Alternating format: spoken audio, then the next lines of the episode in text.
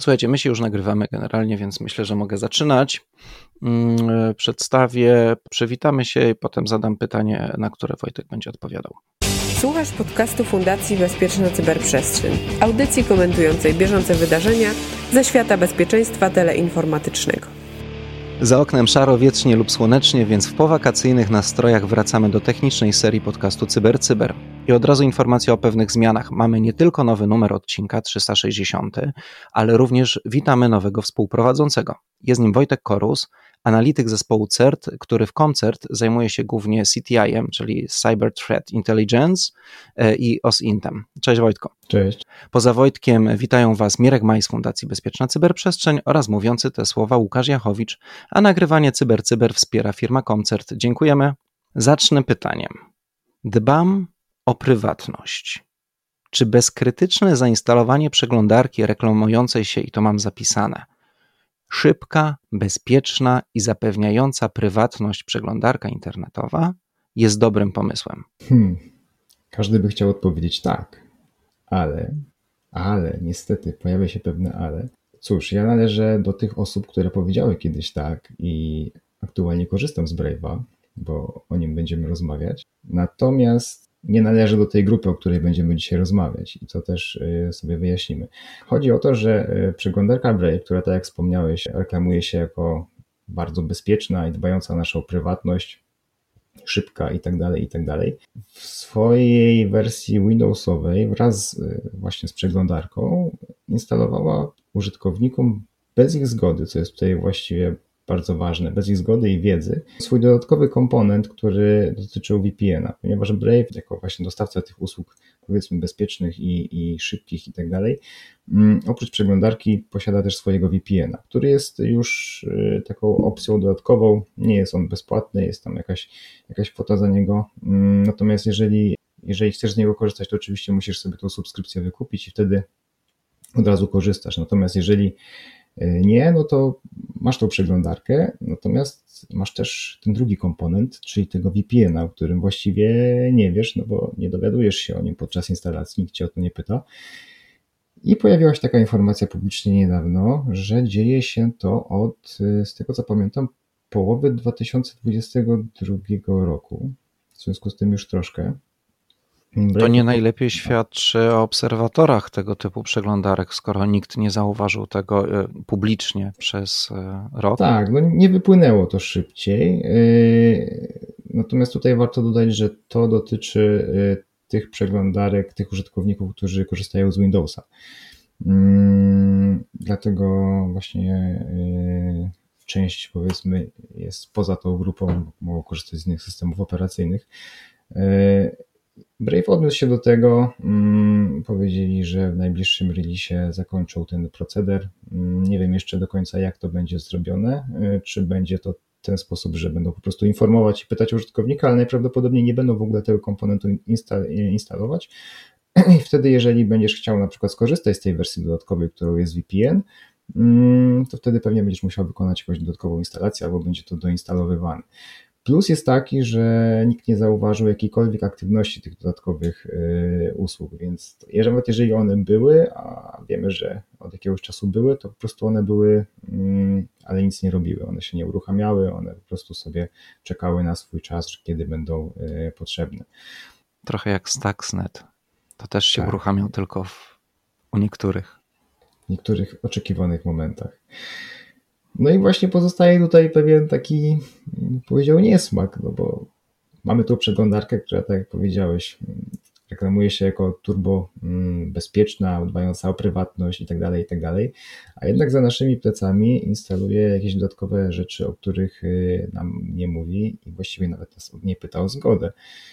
No i pytanie, czy w ogóle dzisiaj możemy założyć, że jakakolwiek przeglądarka, jakiekolwiek oprogramowanie dba o naszą bezpieczność, bezpieczeństwo, powiedzmy ogólnie bezpieczeństwo, ale prywatność. No, to jest takie pytanie, chyba bym powiedział retoryczne, ale, ale zawsze się pojawia w przypadku takich sytuacji.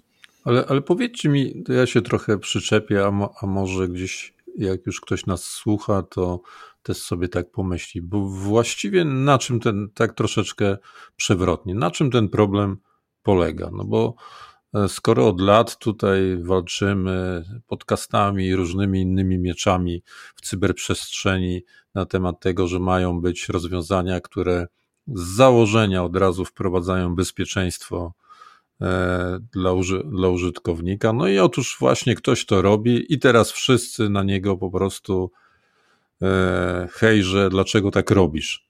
Tak, no bo uruchamiasz no coś, no jednak pierwsze skojarzenie, gdzie przypisać VPN, czy do kategorii rozwiązań bezpiecznych czy niebezpiecznych, no to byśmy powiedzieli do bezpiecznych. No to teraz. No w życiu. Ja też bym się nie zgodził.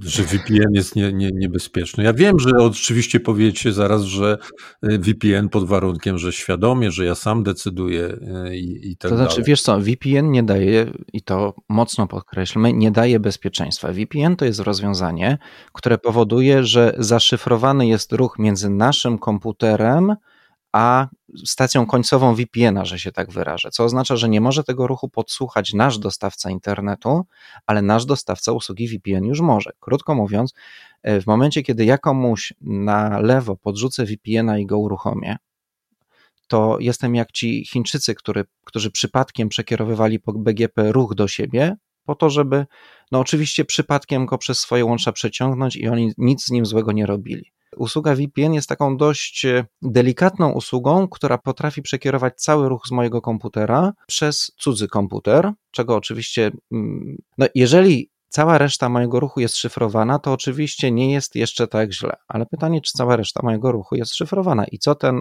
u którego ten mój ruch mm, bez mojej świadomości wyląduje, będzie mógł wyciągnąć z tego, czy będzie mógł coś podsłuchać, czy będzie mógł przeprowadzić atak man in the middle, to na pewno będzie mu łatwiej. Nie, no to oczywiście wszystko, co Łukasz powiedziałeś, to jest, to jest prawda o VPN-ie i ja nie, nie twierdzę, że VPN, VPN zapewnia bezpieczeństwo w sensie takim, że jest jakby takim środkiem, który rozwiązuje e, problemy. Natomiast też jest, myślę, że się ze mną zgodzicie, prawdą, że jest bardzo często używany właśnie jako jeden z elementów jakby budowania swojego takiego świadomego cyberbezpieczeństwa. Takiego warsztatu swojego bezpiecznego poruszania się e, po sieci. No i tutaj zgodzę się z tym argumentem, że e, znaczy w ogóle się zgodzę. No, oczywiście, jak, jak mnie znacie, to trochę tak przewrotnie na, na potrzebę bardzo atrakcyjnego podcastu e, z wami się nie zgadzam, ale, ale tak naprawdę trochę, trochę gdzieś tam roz, rozważam na głos, wspólnie rozważamy na głos, no bo jednak ten VPN podawany właśnie jako ten element tego warsztatu bezpieczeństwa, kontrolowany, e, no jest takim, takim elementem e, tego. No, czyli rozumiem, że nam tutaj pozostaje jakby kwestia tego, że ktoś uruchamia to bezpieczeństwo i my nie wiemy, czy on naprawdę uruchamia, czy nie chce czasami nas podsłuchiwać zamiast operatora, tak? No bo alternatywą jest to, co Łukasz powiedziałeś, że, że taką, taką zdolność do podsłuchu zostawiamy po stronie na przykład operatora i czy to jest dobre, czy to jest e, złe. No ja bym powiedział, że tak, no jakby w naszym gronie i czy to jest w ogóle do porównania, to też jest dla mnie ciekawe, bo my bardzo często w tych dyskusjach no jednak musimy pamiętać o pewnej, pewnej różnicy pomiędzy tym, jak my postrzegamy jako e, ludzie, którzy się cyberbezpieczeństwem zajmują na co dzień i jak to wpływa ogólnie na rynek, na tak zwanego zwykłego użytkownika internetu. To z tej perspektywy, jakbyście ocenili. Wiesz co, jeżeli chodzi o takie typowe bezpieczeństwo, to według mnie tutaj nie było jakichś takich e, uchybień, ponieważ to było wyłączone i nie mamy jakichś do tej chwili dodatkowych informacji, żeby to faktycznie działało i gdzieś te rzeczy, o których Łukasz wspomniał, się działy, bo potencjalnie mogłyby się dziać bez wiedzy użytkownika. Mm, natomiast ja uważam, że jeżeli jakieś oprogramowanie e, reklamuje się i faktycznie idzie w tym kierunku, że chce być e, bezpieczne, dbać o prywatność i domyślnie ma takie funkcje włączone, bo Brave już tak, tak ma po prostu. On domyślnie blokuje reklamy, domyślnie blokuje, mm, czasami nawet bym powiedział, że za bardzo agresywnie pewne, e, pewne rzeczy.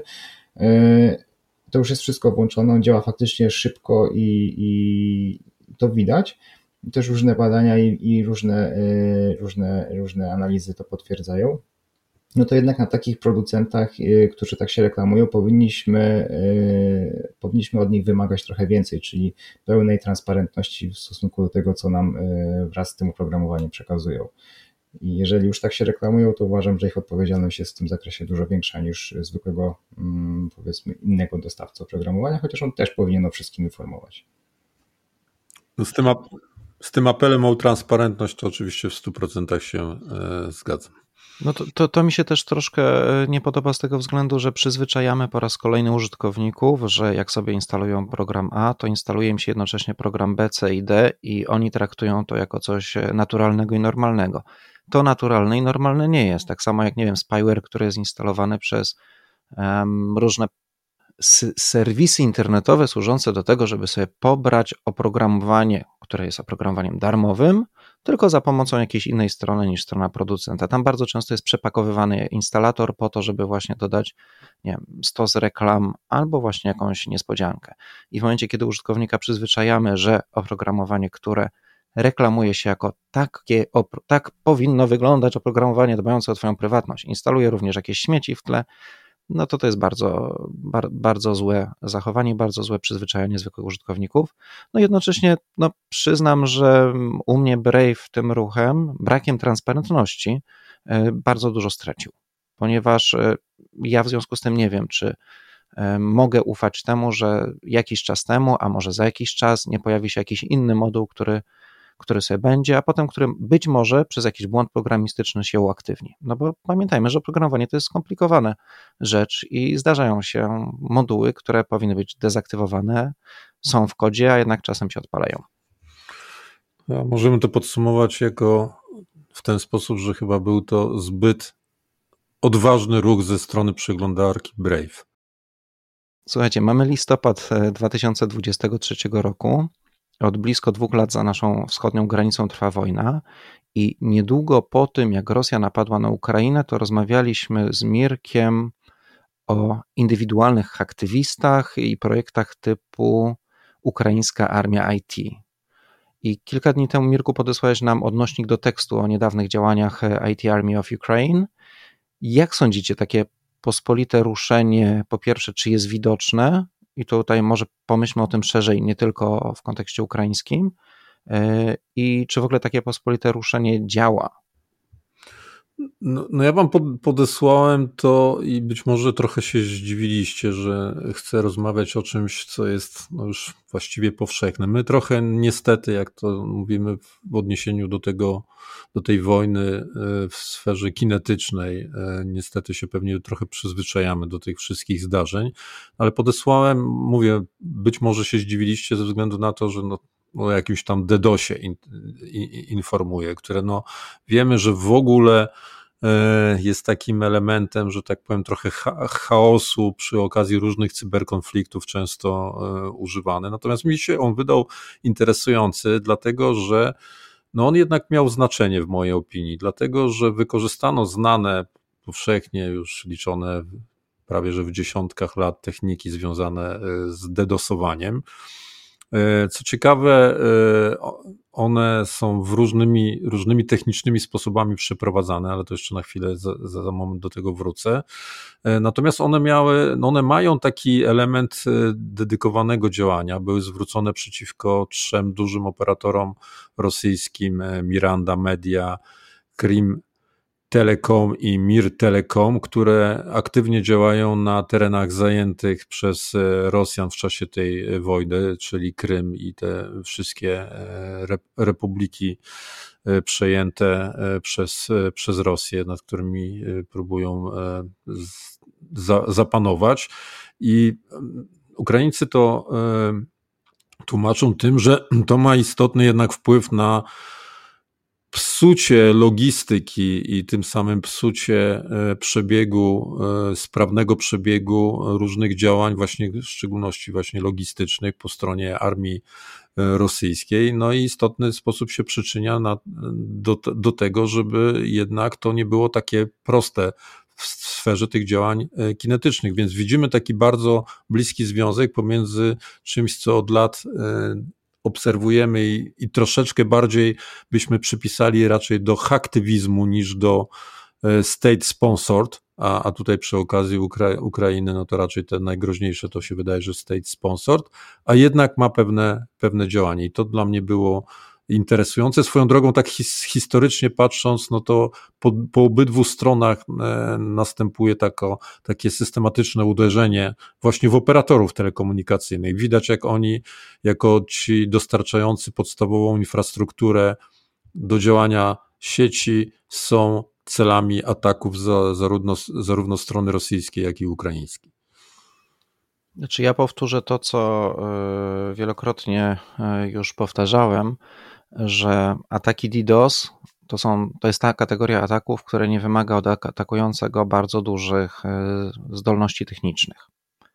I taki atak może przeprowadzić pojedyncza osoba, wysupując kilka dolarów w darknecie, no albo taki atak może przeprowadzić zdolny włamywacz, który nie będzie wysupływał tych paru dolarów, tylko przejmie E, bez pytania o zgodę e, komputery służące do, mu potem do, no, znaczy stworzy sobie botnet, no. Więc, ale, ale generalnie te ataki pod kątem technicznym to nie jest najbardziej zaawansowana rzecz i my, wydaje mi się, ciągle być może jak się wojna skończy, to się czegoś więcej dowiemy, ale ciągle mało słyszymy o takich atakach mm, rzeczy, które nam się bardziej by chyba kojarzyły z przełamywaniem zabezpieczeń niż po prostu walenie młotkiem w czyjeś łącze po to, żeby nie mógł mieć e, dostępu do internetu przez kilka, kilkanaście godzin, bo najczęściej te ataki DDoS dość szybko są blokowane. Czy się mylę? Wiesz co, nie, nie mylisz się i mylisz się. tak dyplomatycznie e, odpowiem, bo ja przeanalizowałem no. Ja przeanalizowałem to właśnie, ten, ten element, o którym ty wspominasz, jak to jest przeprowadzane, no bo zgadza się, no to jakby to, co powiedziałeś odnośnie ataków e, DDoSowych i tego, jakie potrzebne są zdolności do ich przeprowadzania, no to nie jest jakby wymagająca, wymagający kompetencyjnie zestaw działań. Co ciekawe, tutaj no właśnie Ukraińcy używając tą IT Army, najczęściej używają do tego takiego narzędzia ADSS, czyli to jest Automatic DDoS Server Start, czyli tak naprawdę po prostu rozdystrybuowane oprogramowanie, które znamy z przeszłości, z wielu różnych ataków, na przykład na 2007 rok słynne ataki DDoSowe na Estonię. To w podobne, e, tylko tam Loj, chyba Lojka uży, używano, no ale to jest właściwie nieważne. Natomiast z punktu widzenia drugiej strony, gdzie e, tutaj nie mamy tej IT Army, tak, tam są ci aktywiści gdzieś tam pod różnymi pod różnymi y, grupami się ukry, ukrywający, ale te dane, które y, dotyczyły ataków na operatorów telekomunikacyjnych ukraińskich, no to są powiązane z, z działaniem akurat grup State Sponsored, bo jeśli dobrze pamiętam, to APT-28 było zamieszane w te ataki. No i przeanalizowałem sobie zestaw narzędziowy po drugiej stronie, no to mamy tak, aplikację do phasingu F FUF, mamy y, narzędzie napisane w Javie do przeprowadzenia testów penetracyjnych, Dearbuster, mamy Go Witnessa, y, to jest y, znowuż do robienia jakiegoś tam zrzutu ekranów, jakieś proste, proste narzędzie. No mamy Nmapa, chyba nie musimy wymieniać, no i mamy oczywiście gdzieś tam backdora PoemGate w tym, w tym wypadku i jeszcze drugiego Poseidona. Także jest to zupełnie inny zestaw narzędziowy, ale to, co o czym wspomniałem wcześniej, to co jest e, interesujące, to, to jest to, że właściwie no nie analizowałem aż tak dokładnie, ale wydaje się, że w dużym stopniu skutki tego są bardzo podobne. Więc to są po prostu różne, e, jako, jako ciekawostkę wybrałem to, że różne metody organizacji się po, e, po obu stronach i wiadomo, że no tak mówimy IT Army, trochę ja pamiętam jeszcze z 2003 konsekwencje 2013 roku jak już po, po stronie ukraińskiej takie nieformalne IT Army się zebrało, jak rozmawiałem z ludźmi z Ukrainy, tymi, tymi z, z ośrodków państwowych, to oni trochę na to narzekali, że to jest sposób nieskoordynowany robione i często im troszeczkę przeszkadza w ich działaniach, w ich operacjach cyber. I chyba to był wyciągnięty wniosek, yy, który spowodował to, że właściwie to, to ukraińskie Ministerstwo Cyfryzacji formalnie rzecz biorąc powołało to kilkudziesięciotysięczny organizm i w systematyczny, bardziej e, uporządkowany sposób wykorzystuje. Tak, wskazuje cele, koordynuje, znaczy sugeruje cele, o może tak. No bo rzeczywiście no z haktywizmem był ten problem, że w momencie, kiedy jest prowadzona jakaś operacja e, undercover i nagle wchodzi e, garść haktywistów całych na biało i zwracają uwagę wszystkich na atakowany system, to rzeczywiście mogą popsuć e, delikatniejszą operację. Także to jest jeden z powodów, dla którego taki nieskoordynowany, nieskoordynowany aktywizm potrafi więcej szkód niż dobrego przynieść. Tak, a w przypadku tej konkretnej IT Army, jakby uzupełniając to, co już Łukasz powiedziałeś, że to właściwie ten atak polega na tym, że tworzymy taką, taki tak naprawdę botnet, to możemy sami stać się częścią tego ataku, jeżeli e, ktoś jest chętny, ponieważ na stronie e, IT Army of Ukraine istnieje już gotowe oprogramowanie do pobrania na, na trzy najbardziej znane systemy operacyjne. Nie do końca wiem, jak ono działa, nie analizowałem tego, ale domyślam się, że chodzi o to, że po prostu y, w momencie, kiedy taki atak sobie y, IT Army zaplanuje, to nasz komputer również bierze w nim udział aktywny, czyli strzela w kierunku mm, tego wybranego celu. Po czym y, twój adres IP się znajduje na takiej liście opublikowanej przez tak, Roskomnadzor tak, tak. chyba. Niekoniecznie, być może, być może przypuszczają. Być może przepuszczają go przez jakieś proxy, tego nie wiemy właściwie, przynajmniej ja nie mam takiej wiedzy na ten, na ten moment.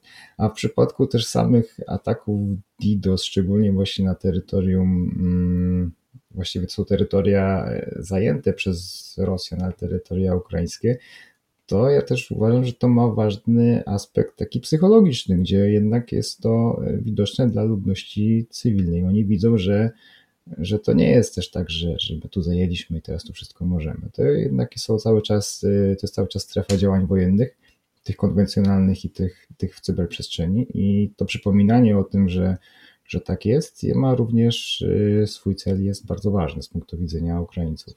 To, to, tu się zgadzam, to, to na pewno jest element tej, tej strategii ukraińskiej, takiego nękania, tym razem w cyberprzestrzeni, tak i przypominania to, co Wojtku powiedziałeś o tym, że to jednak są nasze tereny i pamiętajcie o tym, nie będzie tu się łatwo żyło, ale z drugiej strony ja myślę, że mimo tego, że my i tak sporo wiemy, bo to w szczególności po stronie ukraińskiej jest bardzo systematyczne i naprawdę niezłe informowanie o tym, co się dzieje, tak? No, w szczególności CERT-u ukra ukraińskiego, który publikuje dużo na ten temat, to my nadal dużo jeszcze nie wiemy. Ja, ja myślę, że kiedyś się dowiemy o tym, jak nie, niektóre operacje, które w tej chwili e, obserwujemy, jakie one miały w rzeczywistości znaczenie. No bo, no bo weźmy sobie jeszcze, wrócę na chwilę do tego konkretnego ataku DDoS. Wydaje się, że to nie jest wielka sprawa, bo Mamy tam 27 października, godzina 9.05, wszystko to się zaczęło. No a o 19.55 e, jeden zdaje się, że właśnie e, Miranda Media informuje, że w, co ciekawe w 80%, także nie wiemy co to tak naprawdę znaczy, ten atak już jest od, odparty. E, czyli mamy tutaj raptem o około tam, nie wiem, 12-13 godzin takiego ataku i wydaje się, no takie klasy może mocniejszy, tak? Jak ktoś już potrafi przez kilkanaście godzin utrzymać atak DDoS, to, to już naprawdę troszeczkę się do tego e, przyłożył, no ale nadal nie jest to jakieś e, coś, co by zwaliło z nóg, ale z drugiej strony my nie wiemy, czy ten dokładny czas nie jest powiązany z jakąś konkretną operacją logistyczną przeprowadzaną przez wojsko, gdzie dostęp do sieci może być kluczowy tak? Tego po prostu nie wiemy. Nie wiemy, jak ten ekosystem łączności, zarówno takiej typowo wojskowej, ale i częściowo wykorzystywanej poprzez sieć, a przypuszczam, że hybrydowy, tak naprawdę, w szczególności w warunkach wojennych, gdzie no właściwie tu, wszystko, wszystko się liczy i w minutach, i, i jeżeli chodzi o środki dostępu do łączności, jakie to mogło mieć w rzeczywistości znaczenie. Także no są to ciekawe, ciekawe różne obserwacje. Myślę, że nam jeszcze w mentalności nie, nie zapadły, jak jak strefa cyber i w szczególności łączność, jak odgrywa, jak dużą odgrywa rolę e, w prowadzeniu w ogóle działań, działań wojennych i, i, i rozmowy z ludźmi, którzy bezpośrednio są na tym froncie albo na zapleczu, na przykład związanym właśnie z tym zapewnieniem cyber, dostępności cyberprzestrzeni, już podają bardzo konkretne przypadki, jak od od tego działania w sferze cyber zależy, zależą losy często dziesiątek, setek, a nawet tysięcy ludzi, które, które przy braku takiego działania może za chwilę okazać się, że, że stracą, stracą życie. Więc podsumowując, y, dzieje się, ale tak naprawdę nie wiemy co. No ale jest to, jest to na pewno ciekawe do obserwacji. Tak, nie, nie jest to projekt, który upadł, bo takie były też obawy, że to będzie wszyscy na hura i za chwilę się wszystkim znudzi. Podejrzewam, że większości się znudziło, ale, ale trochę aktywnych zostało. Dobrze, to teraz ja ze swoim tematem. Wśród administratorów krąży taki mm, obrazek z trzema tekstami przedstawiającymi trzy fazy diagnozowania problemu. To nie DNS, to niemożliwe, żeby to był DNS, to jednak był DNS. I e, chyba podobny obrazek warto by przygotować w kontekście mm, walki z, ochro- z walki z nadużyciami mm, wobec dzieci. Bo tak, nadal politycy i urzędnicy chcą walczyć e, ze złem wyrządzanym dzieciom i mają w tym moje pełne poparcie. Ale znów, i o tym chyba już parę razy wspominałem, znajdują się naprawdę kretyńskie metody robienia tego. Mamy od pewnego czasu projekt rozporządzenia w sprawie zapobiegania niegodziwemu traktowaniu dzieci w celach seksualnych i zwalczania go. E, ten projekt można wyszukać w bazach unijnych pod numerkiem COM 2022 209, czyli oznacza to, że on już od 2022 jest e, publicznie dostępny i obecnie trwa na jego temat dyskusja na poziomie Rady Unii Europejskiej. To jest tam, gdzie się spotykają przedstawiciele ministerstw. Jeszcze nie wiadomo, czy i kiedy ten projekt trafi pod e, obrady Parlamentu Europejskiego. I dlaczego zwracam uwagę na ten projekt? Bo zgodnie z artykułem 7 i 10 tego projektu, w pewnych sytuacjach wszystkie wiadomości przesłane e-mailem, komunikatorami, przez czaty miałyby być skanowane pod kątem występowania w nich e, dziecięcej pornografii. I co istotne, mają być e, przez te automatyczne skanowanie wykrywane e, zarówno znane przypadki e, tej dziecięcej pornografii, jak i nieznane treści. E, I dla kontekstu przypomnę, że ze skanowania danych na e, urządzeniach użytkowników wycofał się nawet Apple, bo przy dzisiejszym stanie techniki nie da się tego zrobić bez całej góry false pozytywów. I drugi kontekst jest taki, że większość wykorzystywanych dzisiaj przez nas komunikatorów jest dla naszego bezpieczeństwa szyfrowana end-to-end. I te komunikatory istnieją również w wersjach otwartoźródłowych i nie znikną, nawet gdyby wprowadzono zakaz, e, czy tam nakaz deszyfrowania komunikacji na potrzeby skanowania pod kątem niewłaściwych treści. E, I co, waszym zdaniem takie prawo zadziała? Ja mam się wypowiedzieć. Mi, mi coś... Ja wiem, co ty powiesz, bo mogę odesłać użytko... słuchaczy do kilkunastu tak, odcinków Cyber Cyber, w których o tym rozmawialiśmy. Ale mi się, jak zacząłeś o tym mówić, przypomniał jeden z moich ulubionych komiksów Krzysztofa Baranowskiego, skąd się bierze woda sodowa. I tam jest taka słynna scena, e, jak, jak wódz proponuje kolejne rozwiązanie i, to wszyscy, i wszyscy, i wszyscy na koniec podsumowują to, ależ wodzu, co wódz? No i tam, i tam wódz ma na tyle rozsądku, że odchodzi i mówi, e, to ja przepraszam. No i, i właściwie tylko zastanawiam się, ile razy ten wódz odejdzie z tym, to ja przepraszam, bo boję się, że ten wódz e, w różnych e, odsłonach, no, omawiali, omawialiśmy przypadki na przykład australijskie kiedyś w przyszłości, ja najchętniej do tego odcinka odsyłam do tego, że to było pierwsze poruszenie przez nas tego tematu i my to zrobiliśmy wtedy rzetelnie i dokładnie. Każde następne, to tak jak Łukasz mówi, jak kwituje mniej lub bardziej wariacją tego, co, co w tej chwili e, mówię. Natomiast no z drugiej strony jakby podziwiam, dziękuję Łukasz, że o tym wspominasz mimo wszystko, bo, bo podejrzewasz mnie, że chcecie odwieść od tego. No nie, no wspominajmy o tym, bo trzeba tego woza prze, przestraszać zawsze i mówić mu, ależ wodzu co wódz. No to ja właśnie mówię, ależ wodzu co wódz, licząc na to, że tam e, ci inicja, inicjatorzy akcji chat, control e, powiedzą, to ja przepraszam. E, no swoją drogą oczywiście pełno już, już protestów jest, nawet można podpisywać e, petycje, na przykład stopchatcontrol.eu, jakby ktoś bardzo, bardzo chciał, żeby te głośne, ależ wodzu co wóz dotarło do e, pomysłodawców. Tak, co ciekawe, jak wpiszesz wyszukiwarkę chat control, to chyba właśnie ta strona pojawia się jako pierwsza w wynikach wyszukiwania, więc wiemy, co jest na topie. Yy, tak jak wspomnieliście, ja jak najbardziej się zgadzam. Cel słuszny, natomiast samo rozwiązanie, mm, powiedzmy delikatnie, no, nieodpowiednie, nieprzemyślane i, i zasadniczo będzie miało więcej, wyrządzi więcej szkody niż pożytku. Właściwie no, ja bym się skupił na tym, żeby stosować y, bardziej się y, zaangażować w wykorzystywanie metod, które już dzisiaj są, y, niż tworzenie nowych, które być może zadziałają, a mogą przynieść więcej szkody niż pożytku. Znaczy, ja chciałbym podkreślić, że w przeciwieństwie do kilku ostatnich razy, kiedy poruszałem ten temat, on wreszcie się przebił do mainstreamu. E, kilka, kilkanaście dni temu Europejski Inspektor Ochrony Danych Osobowych przygotował briefing podsumowany przez reprezentowaną przez niego instytucję słowami punkt bez powrotu e, i pokazujący, że CSAM byłby, i tu mam zapisane, nieefektywny, niemożliwy do wdrożenia z technologicznego punktu widzenia i doprowadziłby do wdrożenia mechanizmów inwigilacji społeczeństw. Bo pamiętajmy, że w momencie, kiedy wprowadzamy mechanizm skanujący pod kątem treści niewłaściwych ze względu na ochronę dzieci, to jest dokładnie ten sam mechanizm, który można wykorzystać w celu nie wiem, wykrywania dowcipów o drobiu. E, a kilka dni przed nagraniem e, tego podcastu w dzienniku Gazecie Prawnej e, ukazał się wywiad z Wojciechem Wywiorowskim, który jest Europejskim Inspektorem Ochrony Danych Osobowych, i tam padają takie bardzo fajne słowa. Każde tylne drzwi do sposobów szyfrowania, z których dzisiaj korzystają organy bezpieczeństwa i organy ścigania, jutro będą używane przez przestępców.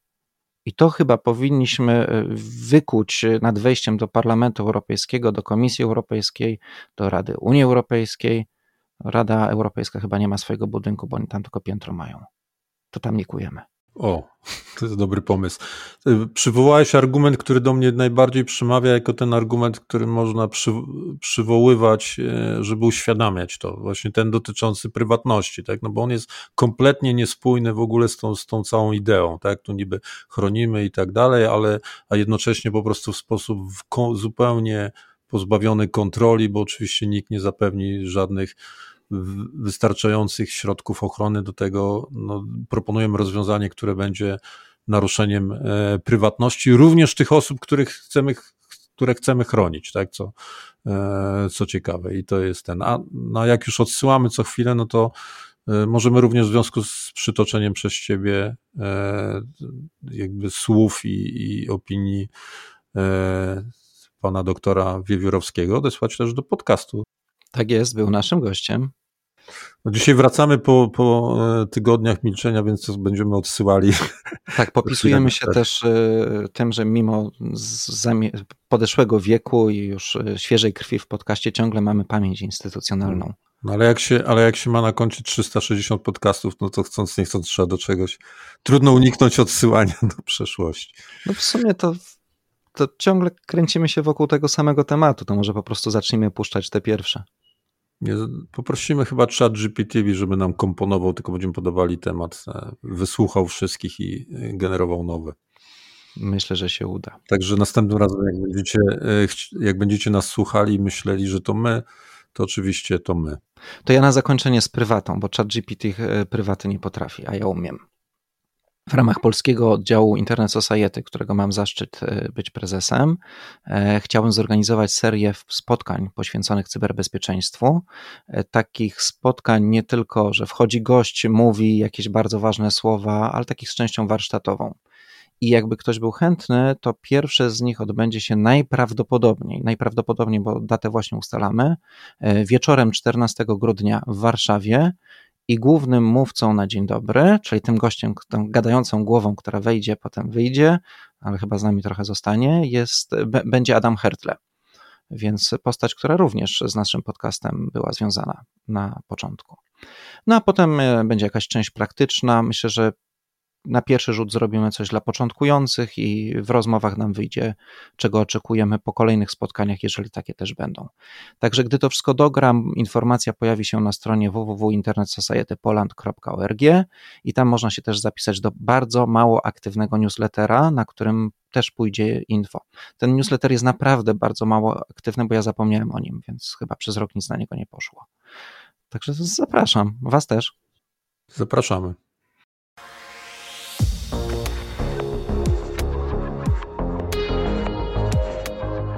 Partnerem strategicznym podcastu CyberCyber jest Koncert SA, lider na polskim rynku cyberbezpieczeństwa. Sprawdź nas na www.koncert.pl. No i to tyle w 360 odcinku podcastu CyberCyber. Ten i poprzednie znajdziesz na wielu platformach, do których odnośniki są na stronie Fundacji Bezpieczna Cyberprzestrzeń. E, jak chcecie znaleźć tę stronę, to ja zawsze w Google wpisuję e, podcast CyberCyber i wtedy mi znajduje i tak sprawdzam, który odcinek teraz muszę ustawić. Fajny numer w ogóle dzisiaj był taki, wiesz, zatoczyliśmy, może dlatego przytaczaliśmy, zatoczyliśmy krąg 360.